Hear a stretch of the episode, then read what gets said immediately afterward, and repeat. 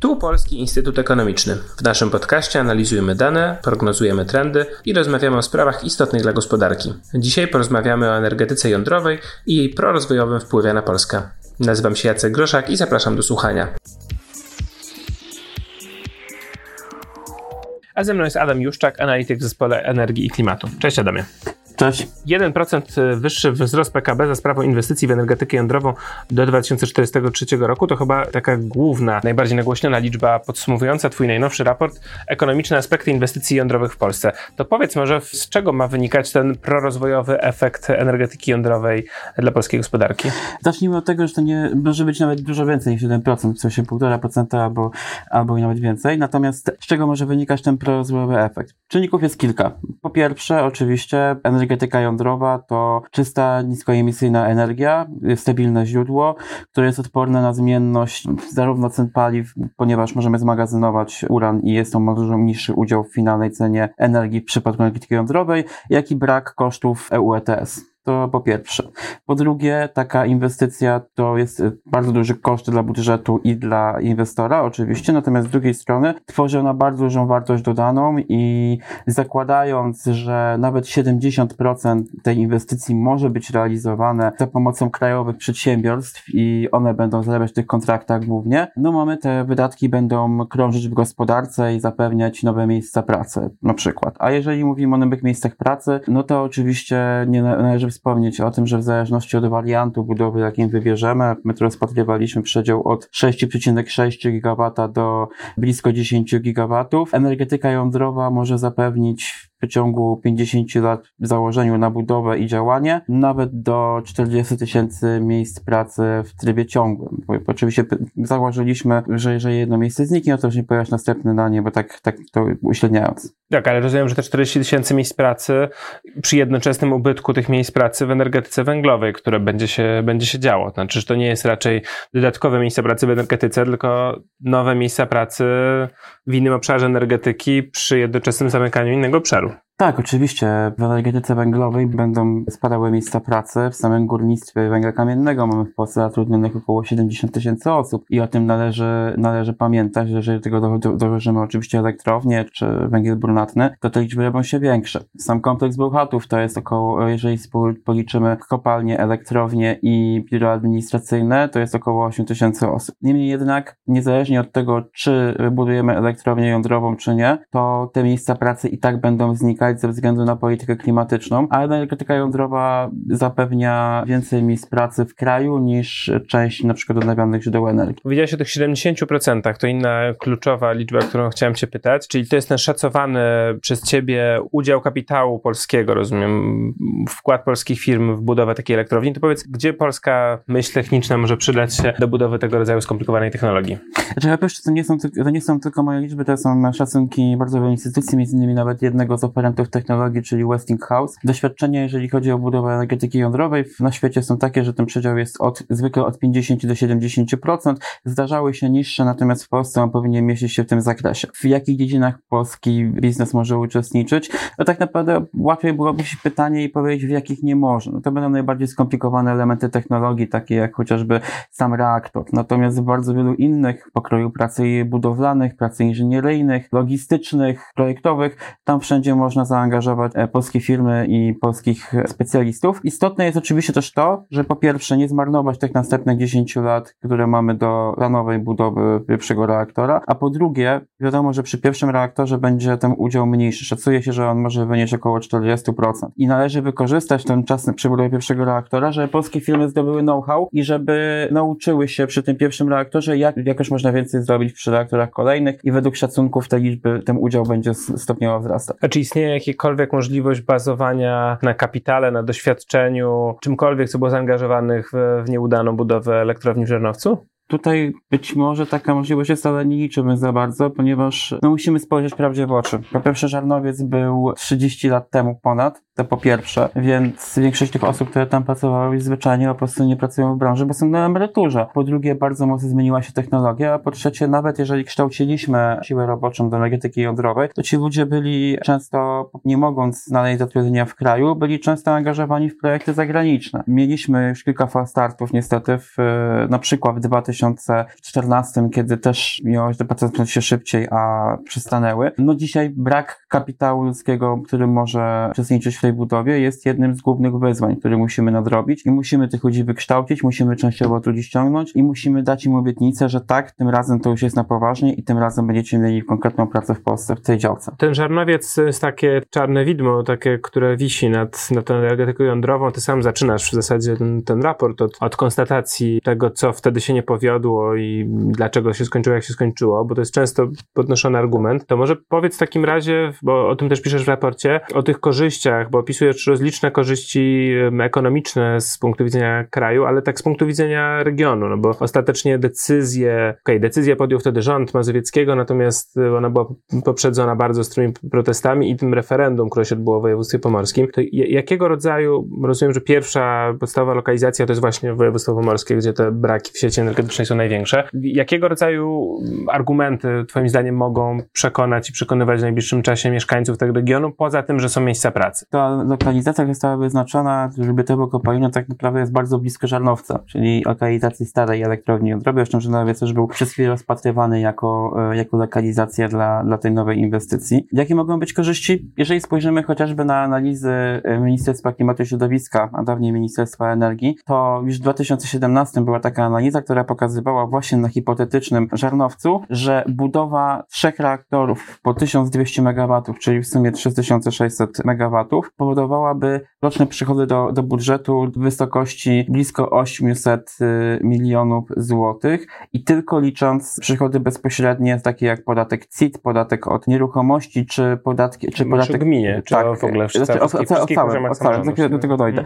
Mhm. Podatek PIT o ludzi pracujących. Jeżeli weźmiemy jeszcze miejsca, jeszcze firmy, które świadczą usługi y, pośrednio do takiej elektrowni, to te korzyści mogły być znaczące powyżej miliarda, przychody powyżej miliarda złotych rocznie. I to to się rozkłada. Około dwóch trzecich z tej kwoty idzie do jednostek samorządu terytorialnego, z czego jedna trzecia do gminy, w której zlokalizowana jest elektrownia. Czyli tak naprawdę gmina, w której zlokalizujemy taką elektrownię, zwłaszcza jeżeli jest mniejszą gminą, z automatu staje się jedną z bogatszych gmin w Polsce. I to jest coś, co nie, nie, nie ulega żadnej wątpliwości. Mamy tam miejsca pracy, które są lepiej płatne, mamy tam zainteresowanie inwestorów, mamy tam mnóstwo miejsc pracy, które się wytworzy obok tego, bo nawet przy samej budowie trzeba tych ludzi, którzy przyjdą, że nawet jeżeli przyjadą z poza regionu, a duża część, duży udział przy budowie może być realizowane lokalną siłą e, roboczą. Nawet ci ludzie spoza regionu, muszą gdzieś spać, muszą gdzieś jeść, będą gdzieś e, chcieli jak, jak pójść do kina, czy do, zagrać w bilard, no to wszystko będzie zapewnione tam na miejscu. I na tym wszystkim będzie mogła ta gmina zarabiać.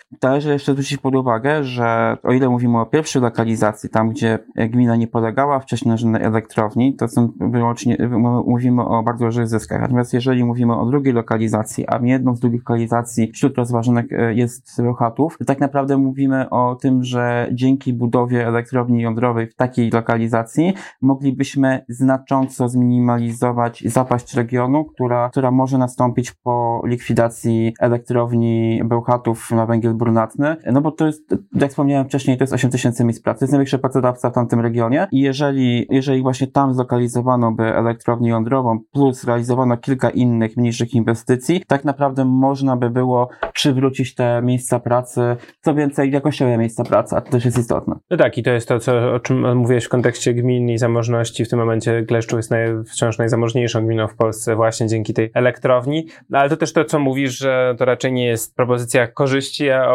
ograniczenia strat i powiedzmy zarządzania nadciągającym kryzysem na Bełchatów. Mówisz o tych korzyściach ekonomicznych i no jednym też, jak rozumiem, z celów napisania tego raportu było odniesienie się do zarzutów do energetyki jądrowej, o tą nieopłacalność ekonomiczną. I wiemy jasno, że jest to niezwykle kosztowna inwestycja, jedna z najbardziej kosztownych inwestycji, jakie mo może ponosić państwo. Oszacowałeś tam na 184 miliardy koszt budowy dwóch elektrowni, no to w jakim czasie ona, twoim zdaniem, ma szansę się zwrócić? I ty przy tych obecnych wysokich cenach prądu, ale powiedzmy przy takich, nie wiem, prognozowanych cenach prądu na kolejne lata. Czy my tu mówimy o perspektywie właśnie stulecia, czy dekady, lat? Jak mniej więcej wygląda horyzont rentowności takiej inwestycji? To jest dosyć skomplikowane pytanie. Zacznijmy od początku. Po pierwsze, widząc dużą kwotę, pamiętajmy o jednej rzeczy. Połowa z tej kwoty, 49%, będzie poniesiona przez oferenta. To jest jedna sprawa. Czyli po polskiej stronie samego Skarbu Państwa zostaje 51% tej kwoty, jaką wydamy na elektrownię jądrową. Oczywiście może być różnić tych 184, to jest scenariusz uśredniony. Niemniej jednak, jeżeli zostaje nam, przyjmijmy w granicach tych 100 miliardów do, do kosztów do poniesienia, to w perspektywie 20 lat to są 4-5 miliardów rocznie. To jest wydatek, na który stać państwo polskie. Dla porównania budżet planowany na, na, tym, na ten rok wynosił blisko 500 miliardów złotych. 1% rocznego, rocznego budżetu. Wydaje mi się, że jest to do poniesienia, jeżeli mówimy o bardzo istotnej dla niezależności energetycznej kraju inwestycji. Jeżeli chodzi o same koszty, energetyka jądrowa przede wszystkim właśnie ma tą zaletę, że uniezależnia nas od zmienności cen. Dzisiaj widzimy, że, że ze względu na nie tylko certyfikaty do emisji CO2, ale także na drastycznie rosnące ceny węgla, ten koszt prądu znacząco wzrósł. Jeżeli spojrzymy na przykład, według naszych wyliczeń wystarczyło to, żeby, z, y, żeby zobaczyć różnicę między kosztem węgla na kilowatogodzinę, między uśrednioną ceną za 2021 rok, po jakiej kupują elektrownie, a ceną z maja 2022, kiedy te obliczenia były robione i się okazało, że w przeciągu tylko kilku miesięcy ten koszt wzrósł na kilowatogodzinę o 5 groszy, czyli o około 1 trzecią. I bardzo możliwe, że będzie rósł dalej. Natomiast koszt paliwa jądrowego na kilowatogodzinę to jest około 2,5 grosza do 3 groszy i to się znacząco nie zmienia, więc tak jak wspomniałem, to jest duża korzyść. Dokładnego stopy, czasu zwrotu nie jesteśmy w stanie podać też do końca. Z prostego powodu nie mamy wy, wybranego jeszcze sposobu finansowania tej inwestycji. Tych kontraktów w historii, takich na przykład kontrakt różnicowy jest całkiem sporo i to będzie też zależeć zarówno od tego, co zdecyduje polski rząd, jak i co, co raz, razem z firmą, która będzie realizować tą inwestycję, gdy już zostanie wybrana. Przypominam, mamy trzy firmy, czyli amerykański Westinghouse, Koreańczyków i francuski EDF. Tutaj jest to inwestycja droga, ale jest to inwestycja, która się zwróci. Nie tylko w postaci pieniędzy, bo jeżeli doliczylibyśmy koszty środowiskowe, czyli mówimy o tym, że elektrownia jądrowa, znaczy